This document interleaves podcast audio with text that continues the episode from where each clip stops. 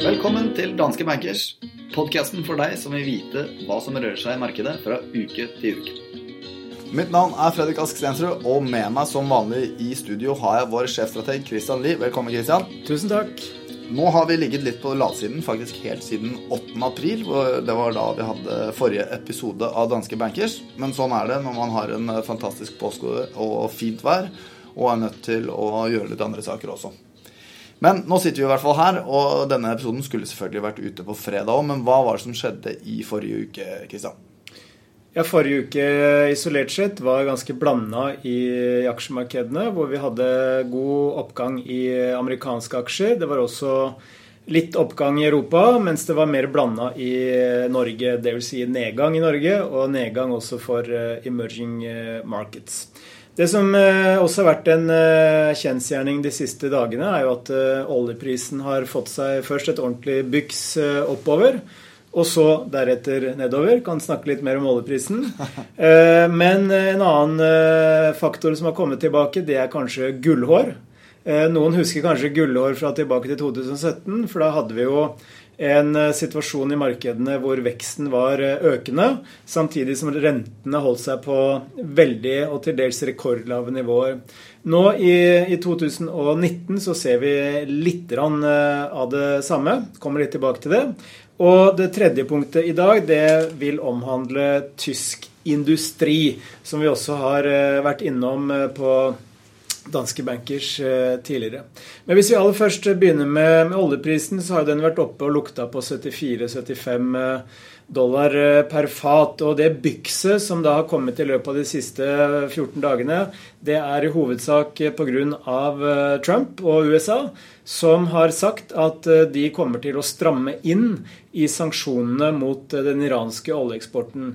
Fordi Som noen kanskje husker, så hadde jo Trump en såkalt oljemarkedsfinte. Hvor han, hvor han ga uttrykk for at han kom til å presse Iran til å ikke eksportere olje i det hele tatt. Og så ga han eh, plutselig eh, åtte ulike land eh, unntak fra dette forbudet, slik at de kunne fortsette å importere iransk olje. Og det bidro da litt til nedside i oljemarkedet. Men det Trump og USA har gjort nå, det er at de sier at de unntakene de kommer til å utløpe 2. mai, dvs. Si den uken her. Det er vel da på torsdag. Og Spørsmålet er da i hvilken grad eh, OPEC og Russland vil kunne klare å kompensere for dette her gjennom å øke oljeproduksjonen igjen. Og Grunnen til at oljeprisen da falt litt tilbake, nå ligger den litt eh, i underkant av 72 dollar per fat, det er at Trump eh, har gitt uttrykk for at han legger press på OPEC og Saudi-Arabia om at de må sørge for å øke oljeproduksjonen, slik at oljeprisen ikke blir for høy. Fordi Noe av det Trump er redd for, det er jo at oljeprisen skal stige for mye. At det skal gå utover bensin- og drivstoffprisen i USA, og at amerikanske husholdninger skal bli sure på Trump fordi det blir dyrere å kjøre bil. Og dette er jo noe som da kommer i opptakten til presidentvalget neste år, f.eks.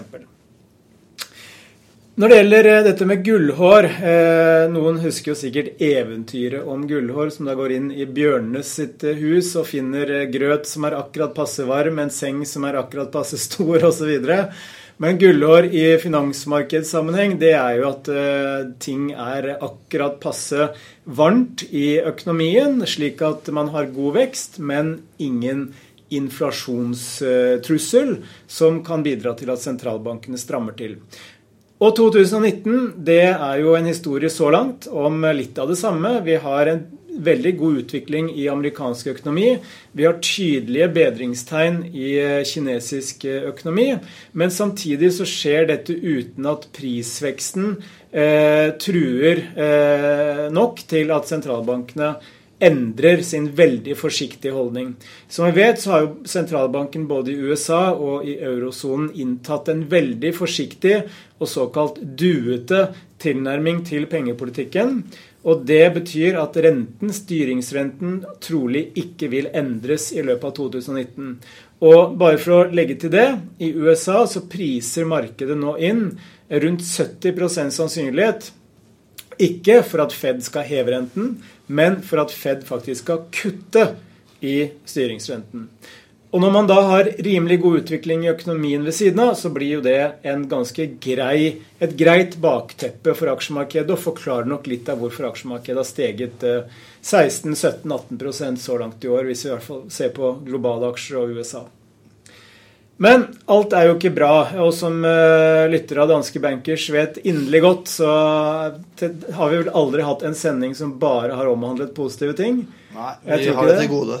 Vi har det til gode, ja. ja. Og denne gangen så er det Tyskland som uh, står i, i, i søkelyset nok en gang. fordi Forrige uke så fikk vi den såkalte tyske IFO-indeksen, utarbeidet av IFO-instituttet. Og Dette er da en ganske omfattende spørreundersøkelse blant rundt 7000 tyske Eh, bedriftsledere. Og denne indeksen sies faktisk å være en bedre ledende indikator for økonomien enn disse PMI-ene, innkjøpssjefsindeksene, som vi også snakket om. Og Dessverre så har den falt tilbake igjen etter forrige måling. Og hvis du ser på forventningene til, eh, til, industrien, du ser på forventningene i byggesektoren, eksportsektoren, så er forventningene på hell. Eh, og dermed så er det ingen tegn til ennå at vi ser et vendepunkt i eurosonen sin økonomi. Håpet her det er at den bedringen vi ser i kinesisk økonomi, vil bety økt etterspørsel etter en del tyske eksportvarer, som f.eks. da biler og det som går inn til eh, maskinindustrien, eh, verktøyindustrien osv. Og, og at det vil kunne gi en positiv impuls i Europa. Eh, Goldman Sachs de er ute med en eh, ny analyse hvor de mener at fra det tidspunktet hvor eh, kinesisk økonomi henter seg inn igjen, til det gir positive ringvirkninger til Europa, så går det stort sett tre måneder. Og da er det Tyskland som får de mest positive ringvirkningene, mens spansk økonomi da er den økonomien i Europa som merker minst til et, et bedre moment i, i Kina.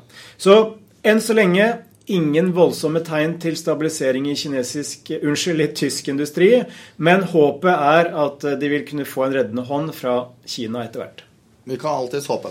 Hva er det som skjer eh, denne uken? Ja, denne uken er egentlig veldig travel eh, og kan eh, både gi en positiv, men også en, en negativ impuls til finansmarkedene. I dag så får vi Det er ikke med på de tre viktigste, men det er så viktig at jeg må ta det med likevel. Ja. Og det er inflasjonstall i USA i dag. Og grunnen til at det er viktig, det er jo at Fed har rentemøte unnskyld, nå på onsdag klokka åtte. Og vi vet jo at Fed har inntatt en veldig forsiktig holdning, bl.a. fordi inflasjonen er lav. Hvis vi ser på BNP-tallene som vi fikk nå for første kvartal, så ser vi en kjerneinflasjon på 1,3% og Det er da altså godt under målsetningen på 2% som Fed har. Eh, og Dermed så vil de inflasjonstallene som vi også får i dag, kunne påvirke hva Fed uttrykker eh, på onsdag. Og som vi vet, så er markedene trolig veldig følsomme for en eventuell mer haukete tilnærming fra Fed nå. Torsdag så får vi nye innkjøpssjefsindekser fra eh, eurosonen, inkludert også og Tyskland. Det vil kunne bli veldig spennende med tanke på det litt dårlige momentet man har sett i europeisk økonomi. Vi fikk for øvrig en eh, fersk stemningsindikator fra eh, eurosonen i dag. og den, viser, den viste det tiende strake fallet i stemning eller optimisme i eurosonen. På fredag så får vi månedens viktigste nøkkeltall. Det er non-farm payrolls eh, fra USA klokka 14.30, hvor det også vil bli veldig spennende å se på hva som skjer med lønnsveksten. Takk skal du ha, Kristian. Det var ikke dårlig levert, der, tross en veldig lang påskeferie. Jeg skal eh, oppsummere de viktigste sakene for neste uke, og jeg skal også ta markedsbevegelser de siste eh, fem dager. Men før det så må vi selvfølgelig tilbake til vår konkurranse. Der eh, vi tok noen skjebnesvangre, posisjoner før, før påsken, altså 8. 8. april. I retrospekt så skulle jeg kanskje ønske at det hadde gått long rosévin istedenfor eh, short olje, for det, jeg har i hvert fall ikke gjort det spesielt godt, så jeg eh, mista en prosent på den posisjonen òg. Det er jo for så vidt bare flaks at det bare er en prosent, for underveis der så var det ordentlig stygt. Men eh, Men jeg, uansett, jeg tapte ca. en prosent, og din posisjon endte opp i null, faktisk. Den så også stygg ut underveis. Du var short Norge. Din posisjon endte helt flatt, og status da etter 17 uker i år er ned 2,6% for meg og opp 2,6% for deg. Så jeg har litt å ta igjen. Ja. Og da er spørsmålet, Christian, hva ønsker du å gjøre for neste uke? Ehm, jeg tror uh, oljeprisen skal uh, litt ned igjen. jeg tror sentimentet i markedet også kommer til å være litt vanskeligere på kort sikt. Så jeg holder Eller jeg tar da en short-posisjon i olje. Overtar din. Ja, du overtar min. Jeg tror faktisk jeg tar og overtar din, så jeg går short i OBX. Har vi noen gang vært long noen ting? Nei, ikke veldig som helst. Nei, men så gjør vi det jo ikke så bra heller, da. Nei. Men ok. Nei, vi får se. Du tar short olje, jeg shorter OBX-en, så får vi se hvordan det går. Eh, da tar jeg eh, markedsbevegelser siste fem dager før jeg oppsummerer de viktigste sakene for eh, denne uken. OECBX ned 0,6% SMP 500 opp 1,2% Eurostox 600 opp 0,4% og oljeprisen ned 0,5% de viktigste sakene denne uken er inflasjonstall som vi får fra statene i dag. Eh, så har vi et eh, rentemøte i Fed på onsdag klokka åtte. Vi får premier fra eurosonen på torsdag klokken ti. Og så får vi månedens viktigste tall på fredag klokken halv tre, og det er da selvfølgelig non-farm payrolls fra USA. Det var alt vi hadde i ukens episode av Bankers. Vi høres.